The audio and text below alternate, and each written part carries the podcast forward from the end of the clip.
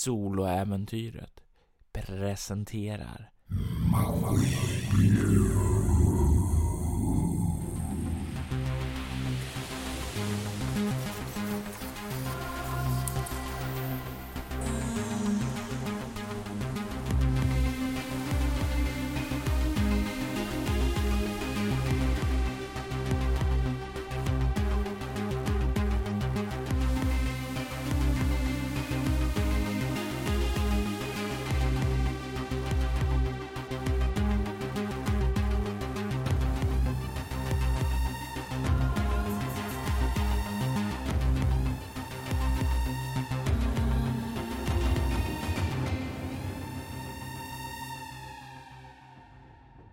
Demjan skådar ned på sin fallna kamrat och där järnsubstans borde ha spridit sig ut över golvet ser han istället någonting annat.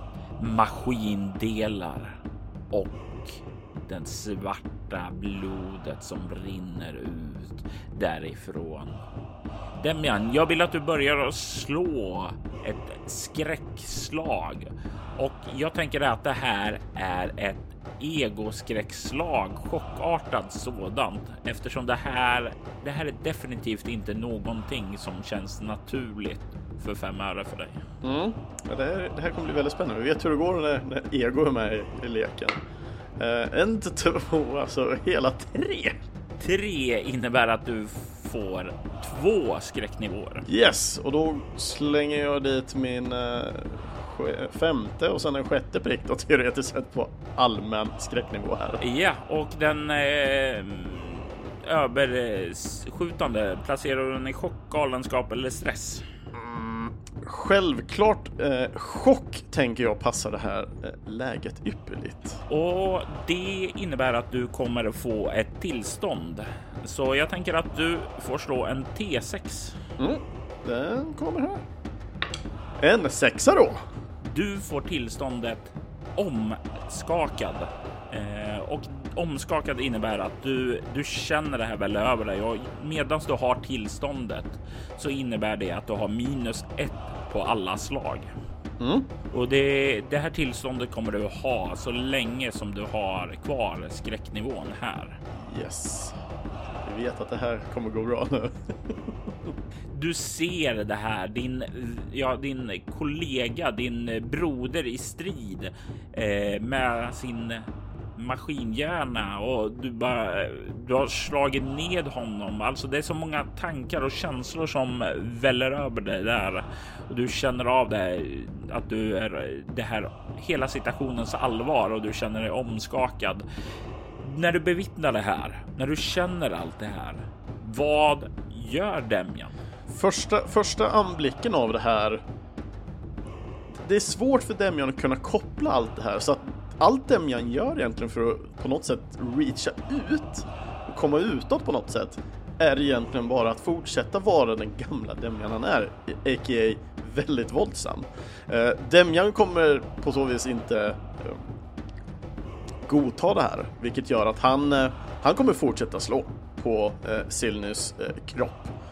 Eh, och han, han, kommer fortsätta slå i huvudet, på, bak på rygg, you name it.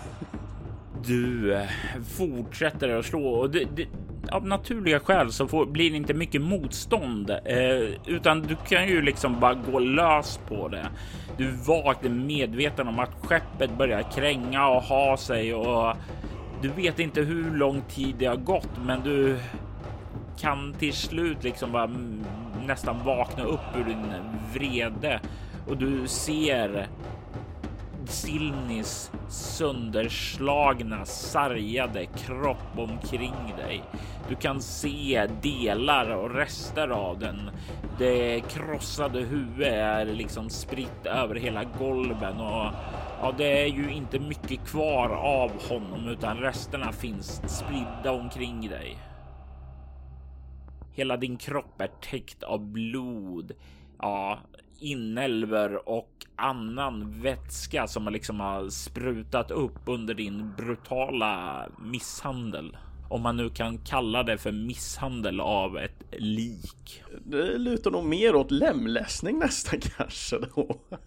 Det är, det är en väldigt, väldigt eh, uh, skräckenjagande blick skulle, skulle jag nog säga. Blod överallt, rinner och Demjan andas väldigt tungt och försöker som sagt återfå någon slags mänsklighet egentligen. Där han sen då egentligen fastnar i det här med att vad har han gjort? Och det liksom här tankarna ekar igenom ditt huvud så hör du en röst som säger Vad har du gjort Demjan? Och du hörde Dr. Sol och det är först nu som du märker att skeppet verkar ha stannat. Demjan har en väldigt stirrig blick eh, omkring, tittar på Dr. Sol men förmår sig inte att kunna svara någonting. Bara, bara står och tittar och väldigt så här, kan man säga, nästan apatiskt ansikte. Andningen går fortfarande, försöker kontrollera den. Demjan går mellan tankarna från Sylny tillbaka, blickar som bara poppar tillbaks till huvudet till vad han har gjort. Det är inte första gången som Dr. Scholl har sett något sånt här. Eh, visserligen kanske första gången från dig, men hon har uppenbarligen spenderat eh, tid ombord på Sila-skepp tidigare. Så du är nog definitivt inte den första som har eh, jag varit med om något liknande och du kan se hon går nästan fram till dig utan att bry sig om den här blodiga duschen som har sprutat över hela rummet där och liksom ställer sig på huk vid dig och sen liksom tar dig lite försiktigt i armen för att liksom få dig att resa sig. Demian spänner sig. Demian spänner sig väldigt mycket. Håller sig nästan fast till marken. Vägrar flytta på sig. Du ser hon släpper då när du gör motstånd och eh, hon kollar på dig. Hon liksom böjer sig framför dig och liksom kollar dig i ögonen direkt i ögonen. Du kan se hon eh, nickar åt dig och sedan så känner du hur det sticker till i din sida och du börjar känna hur någonting får det och börjar slappna av i dig. Hon säger sov Demjan, sov och du känner sakta hur allting omkring dig börjar glida in i ett svart, rogivande mörker. Du vaknar upp i sjuksängen igen. Du kan se hur Ilse står vid din sida och du kan se hon eh, verkar le när hon ser att du öppnar ögonen och du kan se hon tecknar Demjan. Hur är det med dig? Oh, det, det, är inte bra. Oh, jag var tvungen att göra det. Det var något mörker i honom. Mm. Mörker? Ja, det, som att något hade tagit över honom eller så. Du menar som vår gamla kapten Rasputin? Nej, det är annorlunda på något sätt. Uh, jag kan inte förklara, det var som att det var en helt annan person. Det oroar mig att ni var borta så länge. Något måste ha hänt när ni var borta. Demjan får ju tillbaks lite bilder nu så här som blickar tillbaks. Han håller sig för huvudet precis som att han får väldigt kraftig huvudvärk. Oh. Oh, det var... Oh. Han var aggressiv och... Det var inte samma gamla Silny som vi känner. Svär på det. Jag var tvungen att göra det. Åh, han hade haft ihjäl mig annars.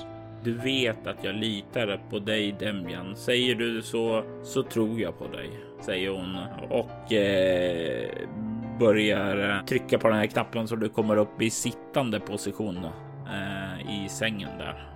Och du kan se längre borta på en bänk där i Dr. Sols hytt att det står några eh, hinkar på vars topp du kan ana så här lite blodigt, ungefär som eh, Dr. Sol har samlat upp lite av Silny för vidare tester och sådant.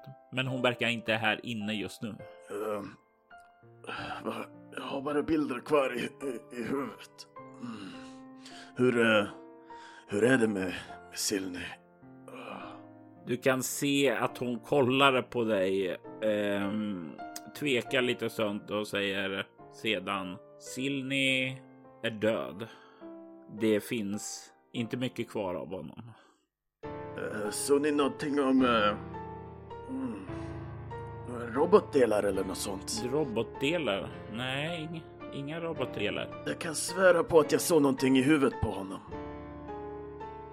Ja, om det var någonting eh, sådant där så var det nog förstört helt och hållet. Det fanns inte mycket kvar där. Och sen så signalerar hon det här, eh, ert alldeles egna ord som ni har skapat. Köttgrejs.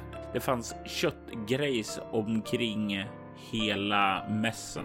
Överallt. Apropå in- ingenting, hur gick det med... Fick, fick vi tag i dem?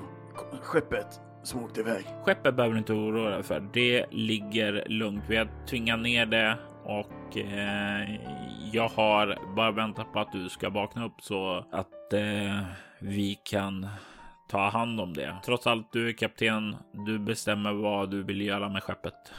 Vi har det under kontroll nu. Alltså, ju- just nu känner jag bara att vi kanske ska försöka sänka det. Och sen eh, använda eh, djupdykshavsutrustningen och sen eh, gå över och plocka på oss eh, av eh, lådorna och det. Om det är din vilja så gör vi så. Ja, jag bara känner det. Jag vet inte vad jag ska ta mig till med skeppet riktigt. Speciellt om det finns någonting på där som, eh, som är farligt. Och du kan höra då ifrån dörren som nu glider upp hur Dr. Sol säger allting kan vara farligt om man inte vidtar försiktighetsåtgärder. Eh, Jag har plockat fram lite gasmasker nu som vi kan ta på oss när vi rör oss in där. Vi skulle behöva veta vad som hände under era förlorade timmar. Ja, någonting händer ju självklart nu på något sätt. Kan det vara... Kan jag vara påverkad till exempel? Jag har skannat din kropp och utifrån den utrustning som jag har tillgång till här visar du inga som helst konstigheter. Det hade ju varit alldeles utmärkt om Silnis kropp hade varit hel, för då hade jag kunnat göra mer noggranna tester. Men eh, jag samlar ihop lite rester så vi får se vad vi kan göra med det. Men jag skulle egentligen vilja göra mer avancerade skanningar på din kropp. Problemet är bara att... Eh, hmm, ja, eh, finns inga Sila-skepp som riktigt har den så avancerad utrustning som jag skulle vilja ha. Tror du det andra skeppet skulle kunna ha det? Det är ju ändå inte ett Sila-skepp. Om de nu har eh, gjort någonting mot er så borde de ju ha teknologin nog för att undersöka det. Eller så kanske de bara är smittspridare så att säga. Om du förstår vad jag menar. Jag förstår vad du menar. Det är därför vi bör iaktta försiktighetsåtgärder med masker. Och då, den här gasen, du, du vet... Du måste väl ha den för, för att kunna analysera? Jag tänker att jag följer med in nu med eh, min utrustning så kan jag ta de prover som behövs. Ja, ja men jag förstår. Ja, vi, vi fixar det. Men då, då tar vi och går på, eh, på eh, utan att dränka alltihop. Det blir mycket lättare. Det blir onekligen mycket lättare. Ja, säger Dr. Scholl. Och Ilse nickar åt dig och säger var vill du ha mig? Jag skulle behöva det på andra sidan av, eh, eller inte på andra sidan, men på den här sidan av eh, Lusslussen så att vi vet att ingenting kommer på, på vårt skepp. Du kan se hon nickar och signalerar. Absolut. Eh, Jag ser till att sätta upp ett försvar utifall någonting skulle komma tillbaka som inte är ni. Ja. Eh, och vi får ju se till att ha igång vårt uh, luftsystem som vi ändå har köpt in på, på båten. Så att eh, vi kan neutralisera ifall det är någonting farligt. Hon nickar. Eh, absolut. Eh, vi vill inte att eh, vad som händer där ombord där borta eh, sker här. Men eh, hur ser det ut i, i, i mässen? Du ser hur Dr. Sol eh, kollar upp eh, från bänken och hon liksom eh, står och, eh, och börjar plocka av sig handskar och sådant och hon säger jag städar upp det så det är inga problem att sitta där och gasa senare om vi skulle behöva det. Toppen, toppen. Eh, Demian eh, eh, slidar ut ur sängen och försöker liksom ställa sig men återigen den här ska man säga, osäkra rörelserna som kommer hela tiden. Att det känns så ovant i kroppen. Jag vet inte, kanske fortfarande lite av de här stillande medicinerna som är kvar. Har du några bestående förluster? Jag har två kropp och en utstrålning just. Du har eh, fått tillbaka en bestående av dem. Mm, jag vill ha bort kropp då. Yeah. Eh, men det är i alla fall med lite, med lite bara tid egentligen så kan eh, Demjan i alla fall börja röra sig igen. Eh, och eh, Demjan beger sig faktiskt bak till lastutrymmet. Eh, och närmare sagt bak i en av de gömda eller dolda lastutrymmena. Eh, nämligen där i så har, har vi lagt eh, en hel del rep och jag tänkte att eh, repen kan vara bra att fästa eh, i mig och i Dr. Sol för att sen egentligen ha dem nära till hands eh, för Ilse. På så sätt så om någonting händer så skulle de teoretiskt sett kunna dra oss tillbaka. Ja, Det vi främst får se till är ju att alla dörrar alltid är öppna. ja, jag ska bara ta och kolla hur stor en Chelonian Shuttle är. 19 meter om jag minns rätt. Jajamensan, du minns helt rätt. Eh, ja, men eh, det har ni definitivt rep för, även om det är nog troligtvis lite längre där, så ni får väl eh, eftersom det går runt och saker och ting. Eh, Mm. Vad heter det? Repet som fastnar i saker och ting och sådant där, så jag tänker mig att du kanske får binda ihop några rep.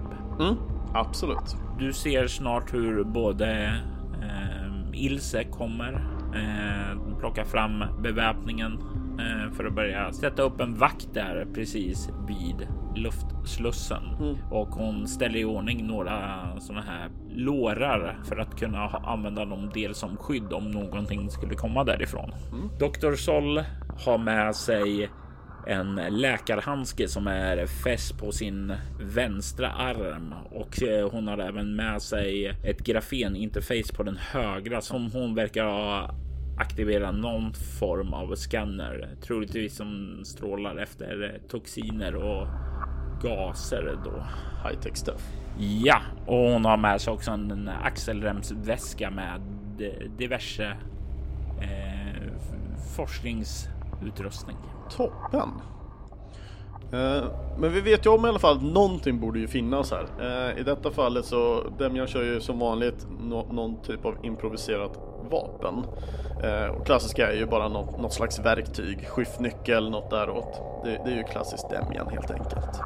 Men Ilse, hon får ju se till att ha nå- något typ annat av vapen, speciellt något vapen som gör ljud. Eh, för det som Demjan vill här är ju i och med att eh, Ilse inte kan prata eller skrika någonting så får hon helt enkelt, ä- så fort hon ens är osäker på någonting så får hon skjuta av det. Hon har ju ett ordentligt eh, automatgevär så det kan definitivt låta.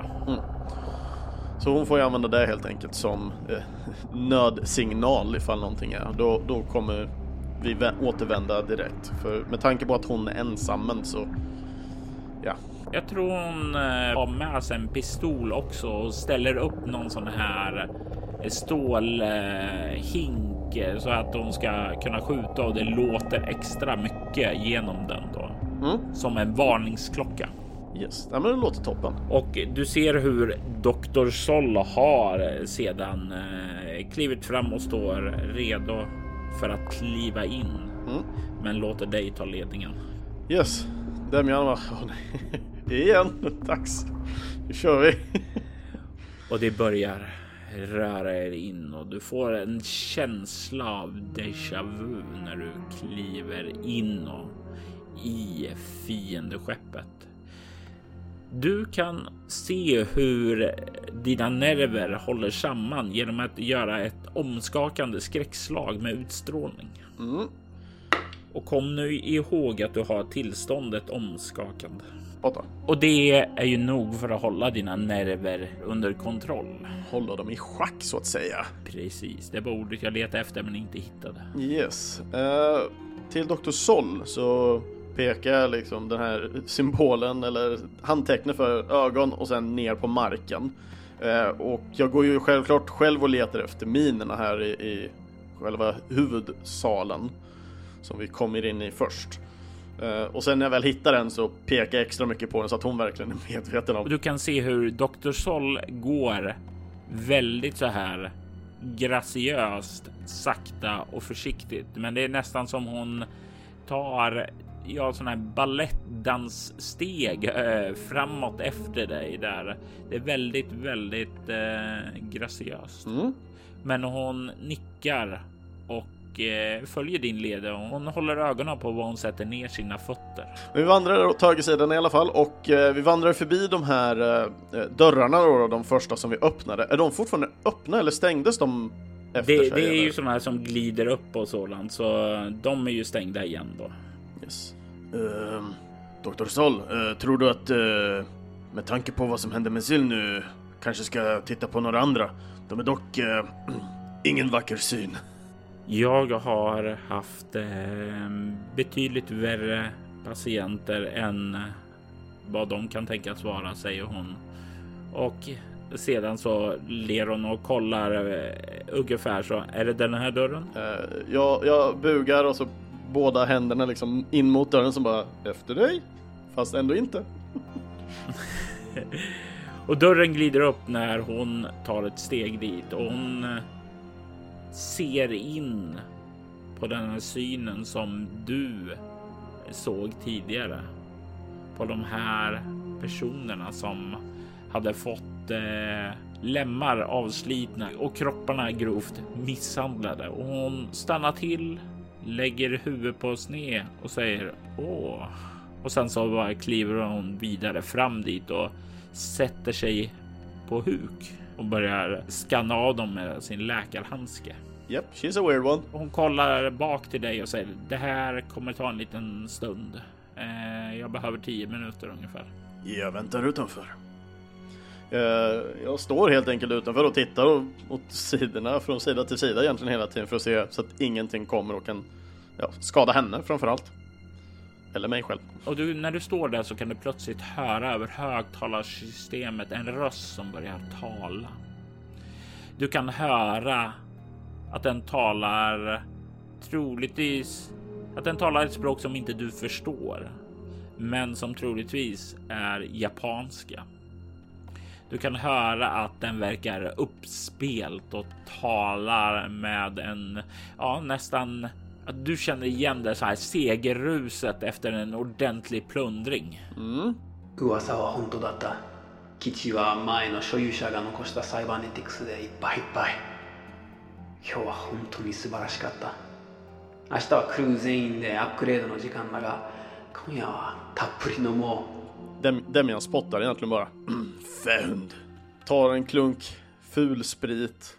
och egentligen börjar nynna på den ryska nationalsången. Rösten tystnar. Du står där, nynnar för dig själv. Rösten börjar tala återigen över högtalarsystemet, men den här gången är den mer saklig och neutral och verkar nästan redogöra för någonting. アップグレードが完了新しい装備は素晴らしいもので 前のものより全然強いシーラ海賊と戦う時にこれらを使うことを本当に楽しみにしてる Meddelandet tystnar igen. Demian börjar bli lite så här. Vem, vem är det som gör allt det här egentligen? Det, eller brukar skepp köra någon slags logg per automatik? Har Demian varit med om det tidigare? Det, det finns ju meddelanden som går att aktivera vid eh, särskilda rutiner. Alltså när du har ju många gånger hört det här. Self destruction eh, aktiveras när du har bordat ett skepp och sådant och då brukar det handla ju om att ja, nu får vi vara snabba och plundra innan eh, innan vi måste sticka så att säga. Men eh, det här är ungefär som du får en känsla av eh, att det är någon som sitter och talar över högtalarsystemet och det borde då vara från kommandobryggan. Ja, när detta ändå slår Demian så blir det så här. Jag, går- jag, eh, Demian går fram mot, mot dörren och Ja, hur går det? Hur många minuter behöver du till? Eh, fem minuter till, säger hon lite frånvarande. Mm, ja, de pratade i systemet. Jag tänkte ifall det skulle vara någon där framme också. Du vet, om det är någon här så måste man slå på den vet du. Ja, det låter som en automatiserad logg skulle jag säga. Det låter som en kaptens eh, rapport, säger hon. Och utan att kolla mot det. Ja men eh, någon måste ju spela det. Eh, första meddelandet handlade om eh, att de hade plundrat någon bas på cybernetik, säger hon. Va? Pratar du det här förhönsspråket? Ja, jag talar det. Jag talar många språk. Finns ju bara ett du behöver. Ryska! Känn din fiende. Vänd alltid på förväntningarna om dig. Om jag känner till fähundarnas språk så kan jag placera mig själv i en position att skada dem hårdare. jag gillar hur du tänker. eh, den andra och sen så tystnar hon när den tredje loggen verkar spelas upp och nu verkar den här personen tala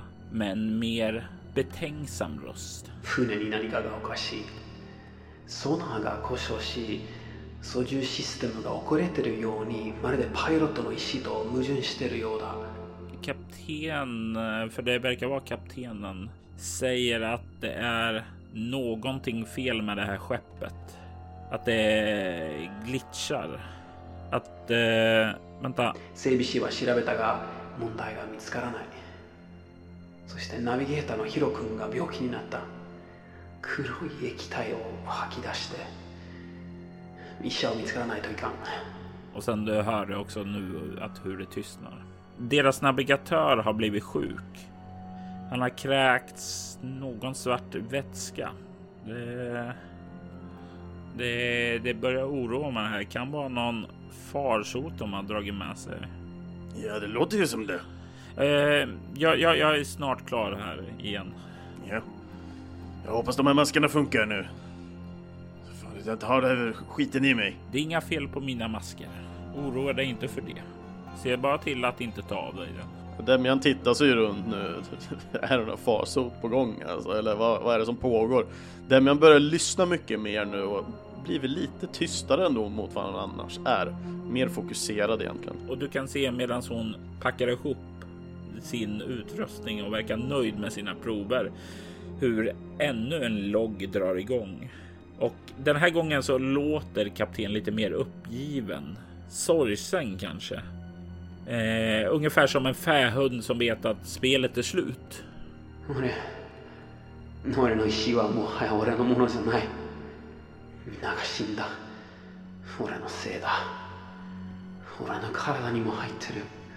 あのマシンの血がこのメッセージを見つけたあなたよく聞いてくれサイバーネティクスを絶対に避けてくれ生きてるんだからマシンの血があなたと接触したら俺みたいにやられる Och du kan se hur eh, Dr. Sol verkar lyssna mer noggrant och hon får en mer allvarlig blick. Eh, han talar om något som han kallar för maskinblodet. Hur det tar kontroll över honom. Och att det, det verkar vara deras cybernetik som skapade det. Mm. Så... Äh, om man är äh, japan så händer något. Eh, det verkar ju här utifrån deras kroppar att de har haft cybernetik i sig som dock har slitits ut under ganska våldsamma omständigheter. Ehm, och eh, det är för tidigt att säga hur det är påverkat och det verkar inte finnas något kvar här att analysera. Så jag kan inte säga någonting om det, men jag har funnit svart blod i dem eh, som skulle kunna vara det här maskinblodet. Jag har tagit lite prover och sådant på det som jag kan analysera senare. Men. Men eh, tror du att eh, de har förvållat det här till sig själva och, eller tror du det har varit någon slags strid här? För mässen eh, ja, ganska messy. Vad de sa i ett tidigare meddelande var att de hade plundrat eh, en bas eh, på cybernetik och att de skulle uppgradera sig själva med den. Så eh, det, om det här kommer ifrån cybernetiken för så, så är den otroligtvis troligtvis självförvållad. Cybernetik är ju bara galningar som använder. Men jag funderar på, eh, precis som Silny, han blev ju aggressiv. Ifall de själva på grund av det här Ja, slagit sönder under varandra. transhumanismens fall så fick ju cybernetik eh, folk att bli galna, att vända sig mot varandra, att ta livet av sig själv. Det skulle definitivt kunna orsaka någonting liknande här. Så det är därifrån uttrycket man eller maskin kommer ifrån. Ni hör ytterligare en logg dra igång. Och den här gången så är rösten annorlunda. Den är kall.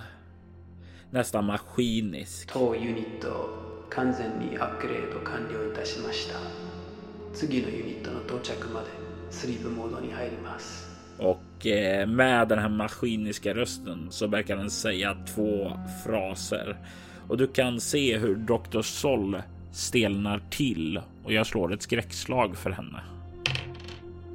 Och du kan se hon liksom nästan verkar blekna lite. Ehm, Okej. Jag gillar inte vad, vad de sa där.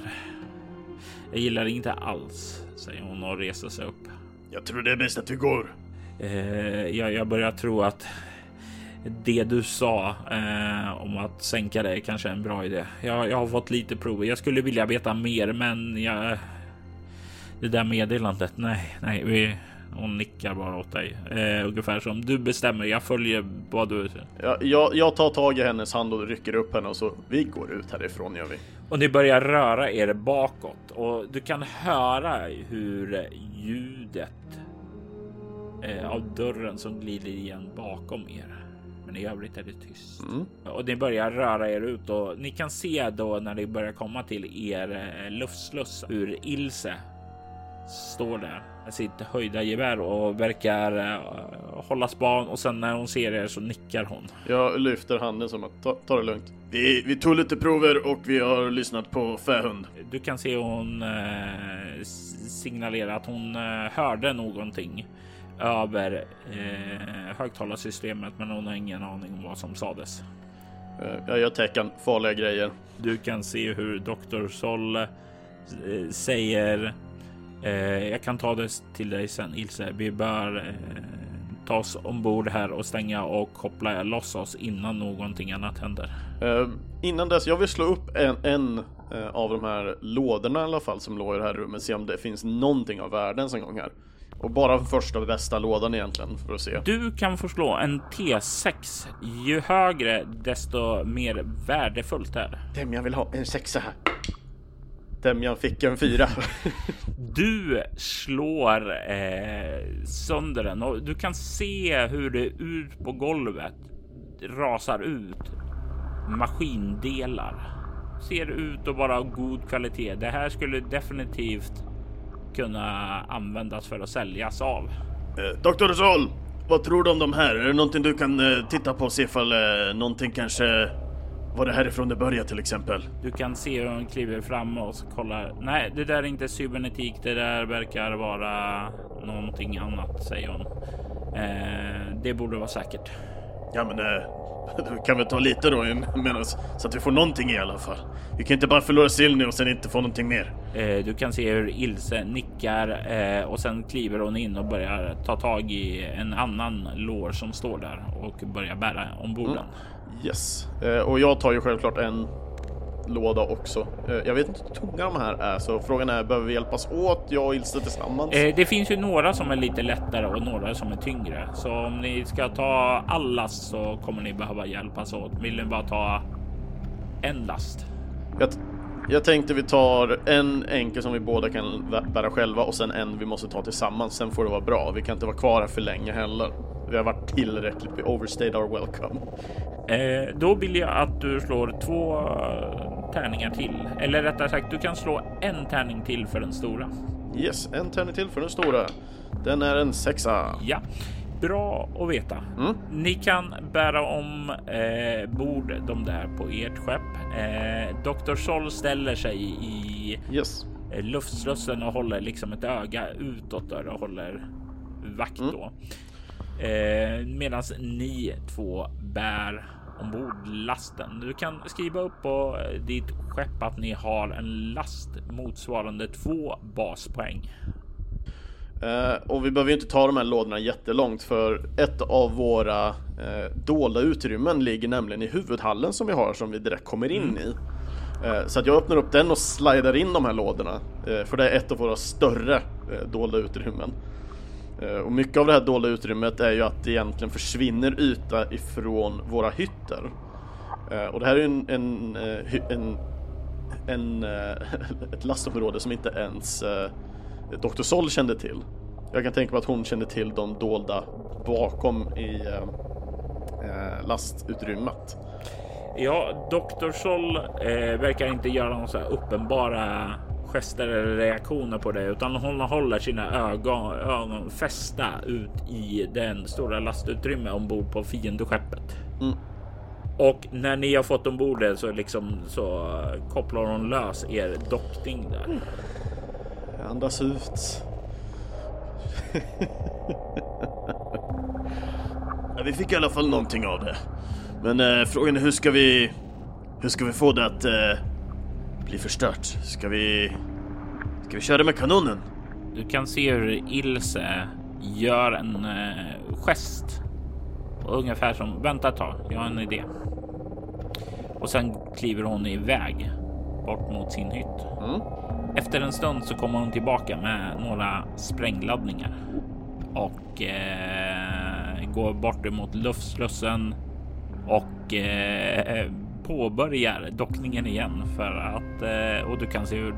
Scholl liksom himlar lite med ögonen ungefär som du kunde ha sagt det innan. Demian rycker på axlarna och bara, mm. Eh, och snart så är den, har ni initierat dockningen igen och du kan se hur Ilse går och sätter upp eh, en sprängladdning precis vid då deras luftsluss. Så och sätter det på en timer Yes. Eh, så att eh, när ni har hunnit koppla lös, begett er en bit därifrån så sprängs det upp ett hål i skeppet där och kommer vattenfylla alltihopa. Nice. Du kan se hur Dr. Scholl kollar på dig. Eh, Jag kliver till min hytt och börjar analysera. Ja, gör gärna det. Eh, jag, jag ska ta och titta vad som mer kan finnas på, på lasten det. Man vet inte ifall de kanske hade någon ny, eh, ska man säga, utrustning som du kan använda dig utav. Hon eh, nickar och eh, kliver därifrån. Yes, och eh, Demian går ju självklart till eh, det dolda utrymmet och börjar säkert egentligen öppna de här lådorna för att se vad är det för saker i dem. Är det bara metaller eller finns det faktiskt någonting användbart som kan eh, utnyttjas till, för just Dr. Sol? Eh, båda de här lådorna som ni bar var för sig har ju exakt samma saker, eh, så det är inget konstigt Yes. där. Eh, när du öppnar den här stora däremot så ser du någonting annat. Du kan se ett eh, flertal eh, rejäla plasmagevär.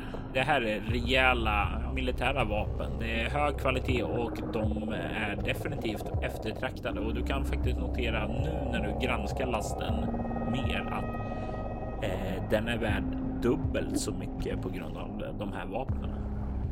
Ja, och Dem Demian blir så här ändå lite ledsen. och så här, oh, var du tvungen att ha lite fähundsvapen? Lite den känslan. så att, men ändå, han är ju glad över att det var någonting i alla fall. Det blev inte bara en förlust. Sen vad värdet faktiskt är på de här, det är svårt. Alltså de, de ser väldigt fina ut. Eh, men eh, ja, jag vet inte, Ilse har ju mer nytta av de här än Dr. Sol. Så att eh, jag, jag lägger på det där igen, eh, stänger igen utrymmet och sen beger jag mig egentligen mot eh, bryggan till Ilse för att, för att informera om, om lasten. Och vad det var vi fick med oss. Och när du går igenom det där så du kan se hon nickar, tänker igenom och eh, sen gör hon eh, en gest åt dig och säger det skulle vi kunna använda för att uppgradera vårt skepp ytterligare. Eh, det är en last som vi definitivt och det är ungefär då som ni känner vibrationerna av explosionen då eh, från det andra skeppet då. Ni har tagit er en bit bort vid det här laget, men det liksom vibrerar ändå eh, rätt rejält i vattnet och du kan se hur Ilse drar på sina smilband eh, när hon känner av det där. Och när det drar på hennes smilband så drar det självklart på mina med. Alltså det, det finns inget roligare än att se Ilse glad i detta tillfälle. Sedan så gör hon ursäkta. Eh, nu, jag, jag tappade tråden här. Eh, men jo, lasten var det ja. Eh, den, om vi hittar en bas där vi kan sälja den så kommer vi kunna göra en rejäla uppgraderingar på vårt skepp sen. Ja, kanske vi kan hitta skruven någonstans.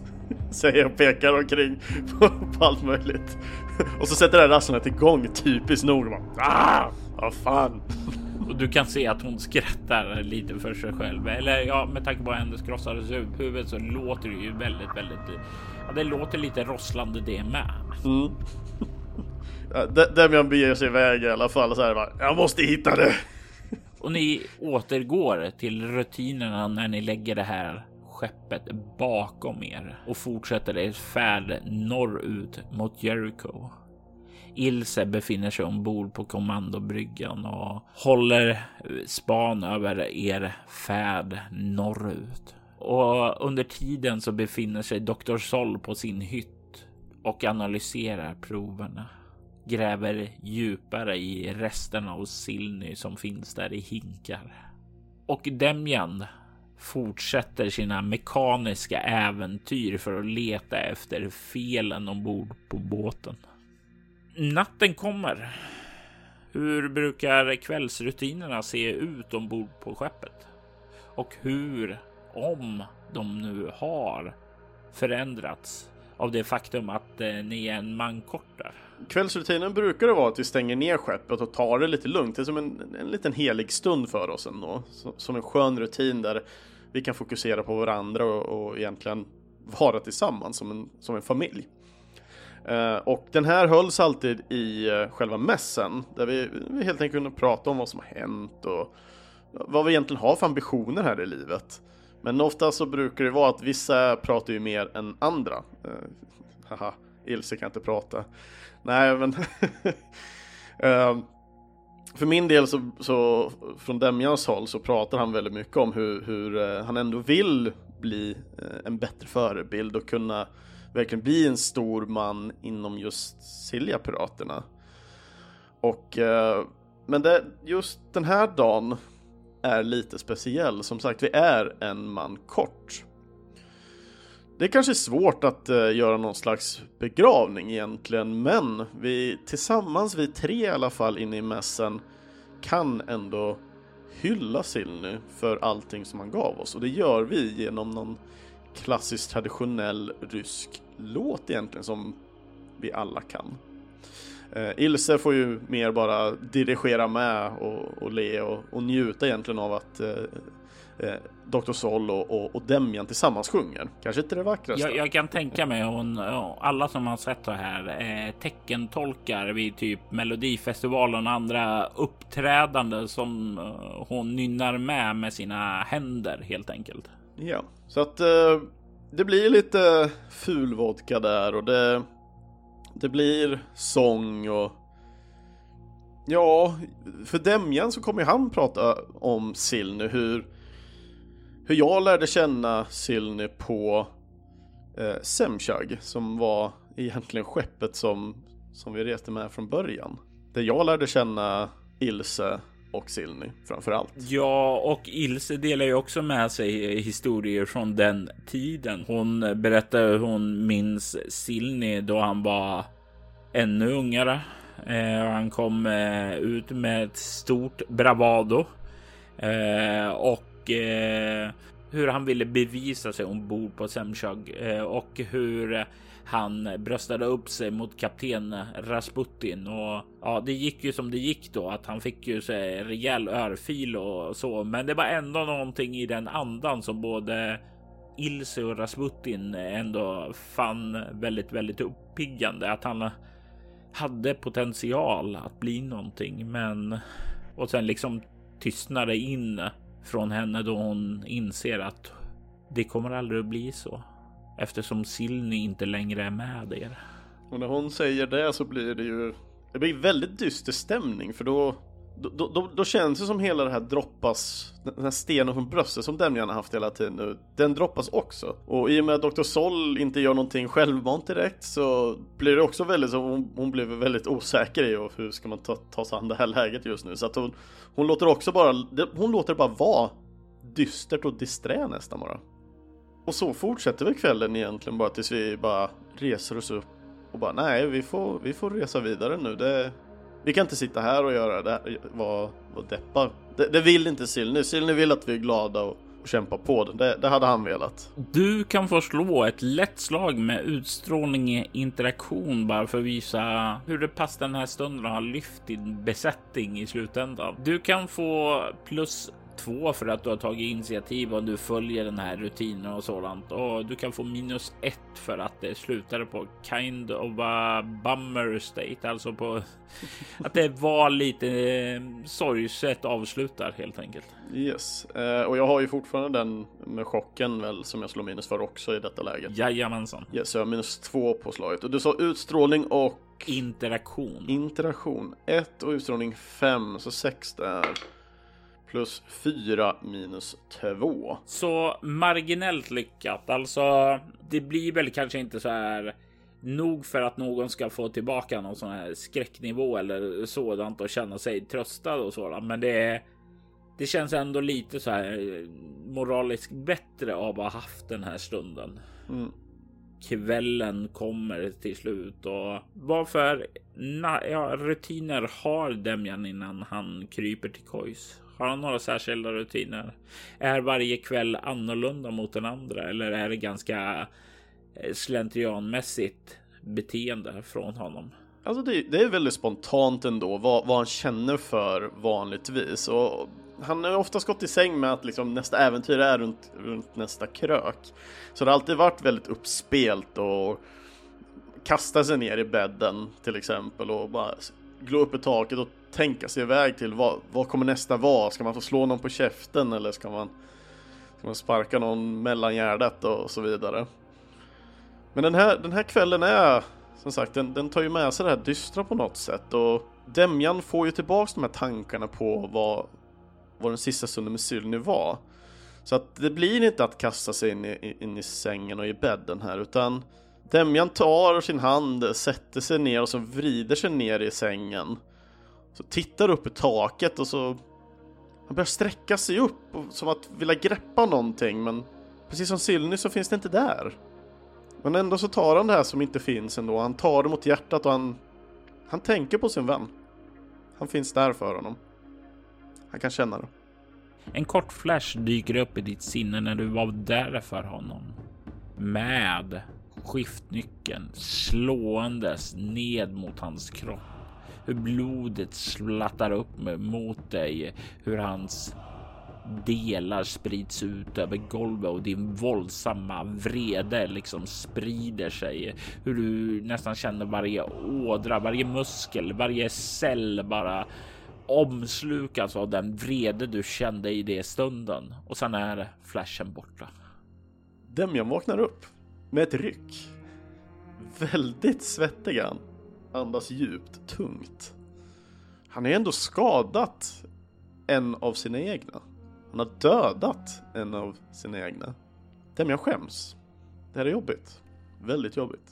Utanför rummet så hör du en röst. Demian, Demian, Och du kan höra det är någonting nästintill metalliskt i rösten. Demian, Koshin kudasai. Demian, uppgradera dig. Koshin, uppgradera dig. Koshin, uppgradera dig. Koshin, uppgradera dig.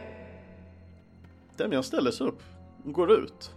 Och du kikar ut i den mörka korridoren utanför.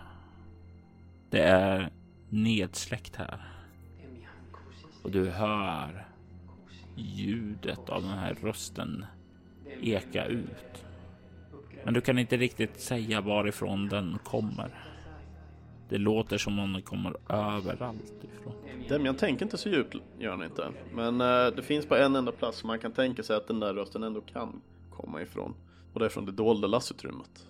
Så Demian går ganska apatiskt igenom korridoren och, och, och bort mot det här dolda lassutrymmet. Bara stirrar på dörren.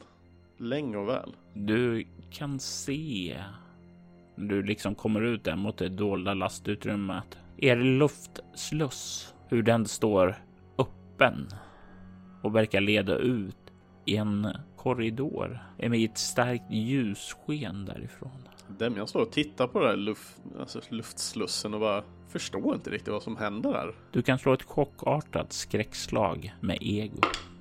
En femma plus ego på ett, så sex. Du kan få två skräcknivåer till. Ja, eh, och de placerar ju självklart vart jag vill i de här chock, galenskap och stress, eller hur? Jajamän, Eh, om jag skulle ta i galenskap kommer jag få återigen ett sånt tillstånd för att det är den första i den kolumnen då, va? jajamän. Yes. Eh, då vill jag ha en i stress och en i galenskap. För nu jäklar ska vi ut och åka. Du kan då börja med att slå ett tillstånd för galenskap. Yes! Galenskap slår vi en trea på. Du drabbas av hopplöshet, vilket innebär att det kraftigt eh, underminerar din förmåga att prestera fysiskt. Du får minus två på alla fysiska färdigheter. Men du kan temporärt trycka undan det under en scen genom att ta en bestående förlust i utstrålning. Mm. Yes, minus två fysiskt. Trycker undan. Yes. Och sedan så kan du slå för stress. Och i stress har vi eh, mm, mm, mm, mm, fyra. Och du får tillståndet konfrontera. Under scenen måste du göra allt för att konfrontera skräckkällan och stoppa den, till exempel med våld. Eh, efter scenen är över tas tillståndet bort, men då får du en extra skräcknivå. Du kan undvika att konfrontera källan till skräcken om du spenderar en bestående förlust i utstrålning. Mm. Yes. Så konfrontera källare. Mm. När du stirrar in i luftslotsen bortom det här starka ljusa skenet så kan du ana att det verkar leda. Ja, det verkar som en korridor vidare bort där. Demian eh, han stirrar en stund på det här. Och sen, sen slår någonting bara till i huvudet och han, han, han greppar tag i, i, i närmsta, närmsta grej som kan vara vapen och han, han springer rätt in emot den här slussen och vad det nu är på den andra sidan. Ja, och du rusar ut och du kommer ut på en kommandobrygga. Du kan se i pilotsäter hur någon sitter och kollar rätt på dig.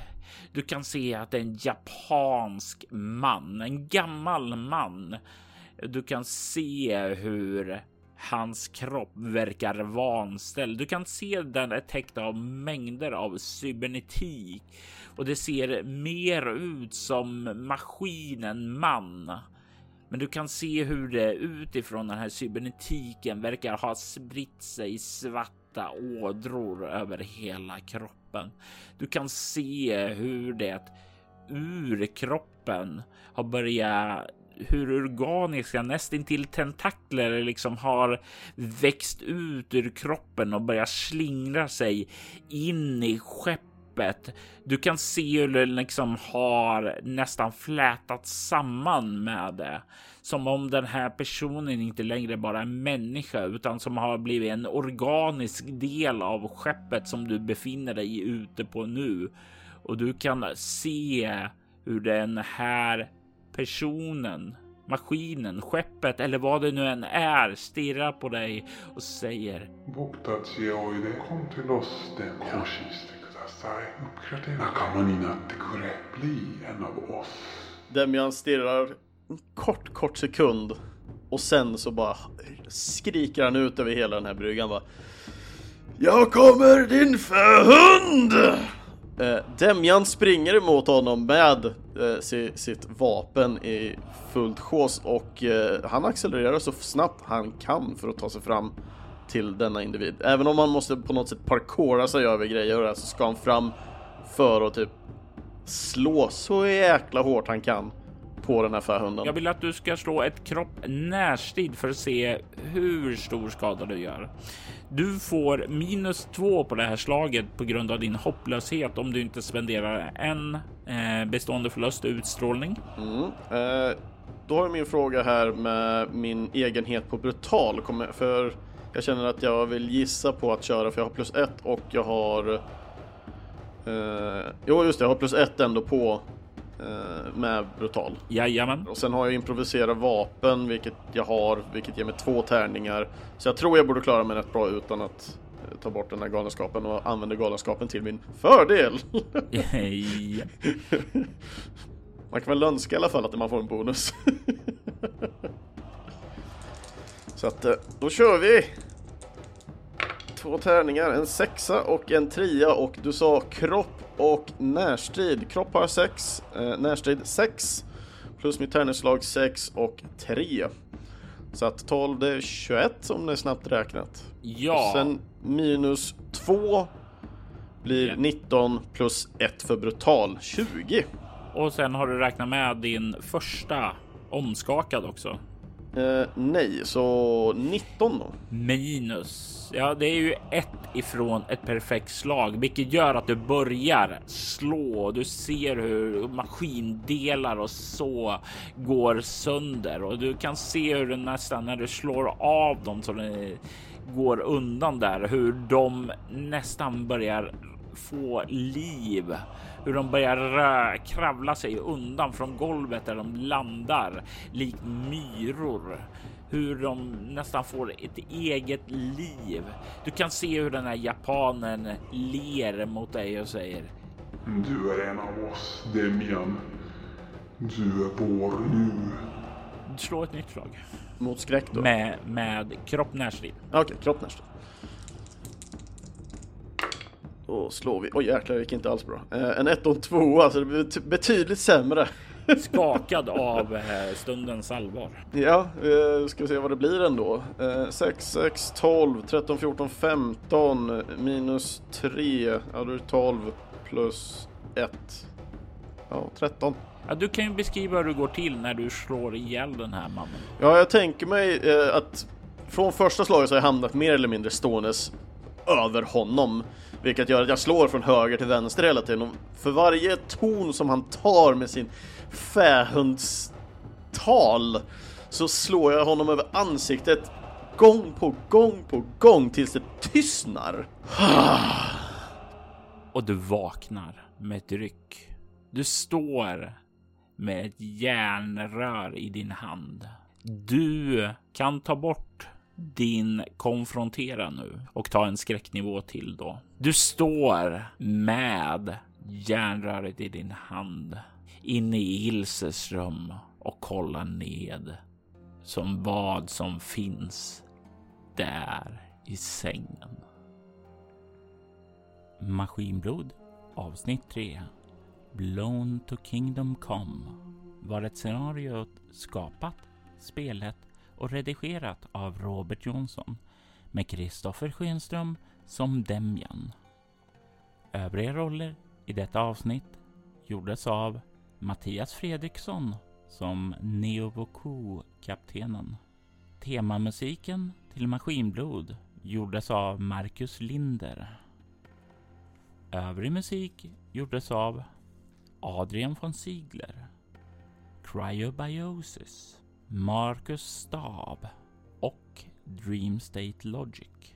Cryobiosis är ett band som tillhör bolaget Cryo Chamber. Vill du ha stämningsfull och ambient musik vid dina spelmöten rekommenderar jag den varmt. Ni hittar en länk till dem i avsnittets inlägg. Soloäventyret är en actual play podcast där vi spelar rollspelen Bortom och Leviathan. Ni kan komma i kontakt med oss på info.bortom.nu. Det går även att följa oss på Instagram och Twitter på att spela bortom. Följ även Soloäventyret och Bortom på Facebook eller på bortom.nu. Maskinblod är ett bonusäventyr som blivit till tack vare er lyssnares engagemang. Vill ni ha fler bonusäventyr? Passa på att lämna en recension om antingen podden eller spelen. Tack för att ni har lyssnat.